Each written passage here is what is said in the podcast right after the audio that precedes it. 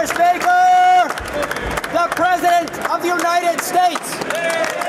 It's morning again in America. Good morning, folks. Please, please. Come on, let's go. Let's go get some coffee. Thank you very much. Det er onsdag 31. januar, og morgenkaffen fra amerikanskpolitikk.no er servert. Donald Trump holdt i natt sin første State of the Union-tale til en samlet sesjon av Kongressen. Det var eh, en lang tale, mye applaus fra hans eh, partifeller, mens eh, demokratene stort sett satt uten å applaudere. Det var store ord, nye lovnader og et godt TV-øyeblikk for president Trump. Han holdt seg i stor grad til den forhåndskrevne talen, og var jo da et TV-øyeblikk der Trump for en drøy times tid kunne fokusere på det han selv ønsket, uavhengig av pågående etterforskninger og nye avsløringer som preger nyhetsdekningen av Trump-administrasjonen i disse dager. Han satte en rekord. Det var da 4,5 millioner Twitter-meldinger om denne talen. Eh, Trump snakket jo om mye forskjellig. Eh, vi kommer tilbake til det på på amerikanskpolitikk.no. Litt om det står i dagens utgave i Morgenkaffen, men det kommer flere reaksjoner i dagene som kommer. Han sa bl.a. 'Americans are dreamers too', en uttalelse som ikke tas imot som særlig hjelpsom fra de som nå jobber for en omfattende innvandringsreform. Gjenstår å se hva Trump eh, gjør der, og hva partiene faktisk kan komme til enighet om. I deler av talen så sa jo da Trump at han ønsker å samarbeide med eh, demokratene. Eh, en uttalelse som han nå må leve opp til i dagene som kommer.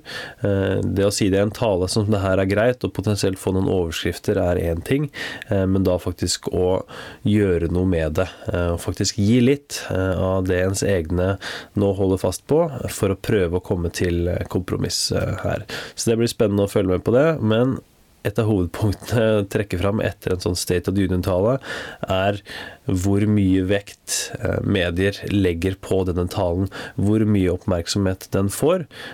Selv om det kanskje ikke kommer noe meningsfullt ut av det i det hele tatt, annet enn et TV-øyeblikk for presidenten. Og det tror jeg også er tilfellet i den talen her. Det skal veldig mye til for at demokrater faktisk biter på noen agn som eh, Trump har lagt ut her, eh, med mindre republikanerne gir etter på flere områder. Så det gjenstår å se, men eh, forventer ikke at det kommer til å skje.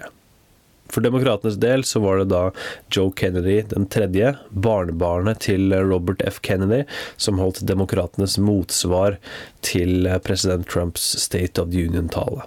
Eh, og den har blitt godt mottatt, og som så mange ganger før, så var det da opposisjonspartiets yngre medlemmer eh, som da skal representere en eh, en god framtid for partiet, som eh, fikk oppgaven å gi eh, dette motsvaret. Og han eh, klarte seg bra. Fått en god del positive tilbakemeldinger. Og vi skal her høre et lite utdrag fra talen til Kennedy i går. And to all the dreamers out there watching tonight, let me be absolutely clear. Ustedes son parte de nuestra historia. Vamos a luchar. Vamos a luchar por ustedes y no nos vamos a alejar. You are part of our story.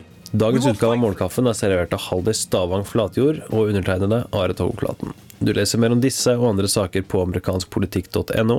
Du finner Morgenkaffen i Spotify, iTunes og andre apper sammen med Ampolkast. Hyggelig du abonnerer, og så snakkes vi i morgen.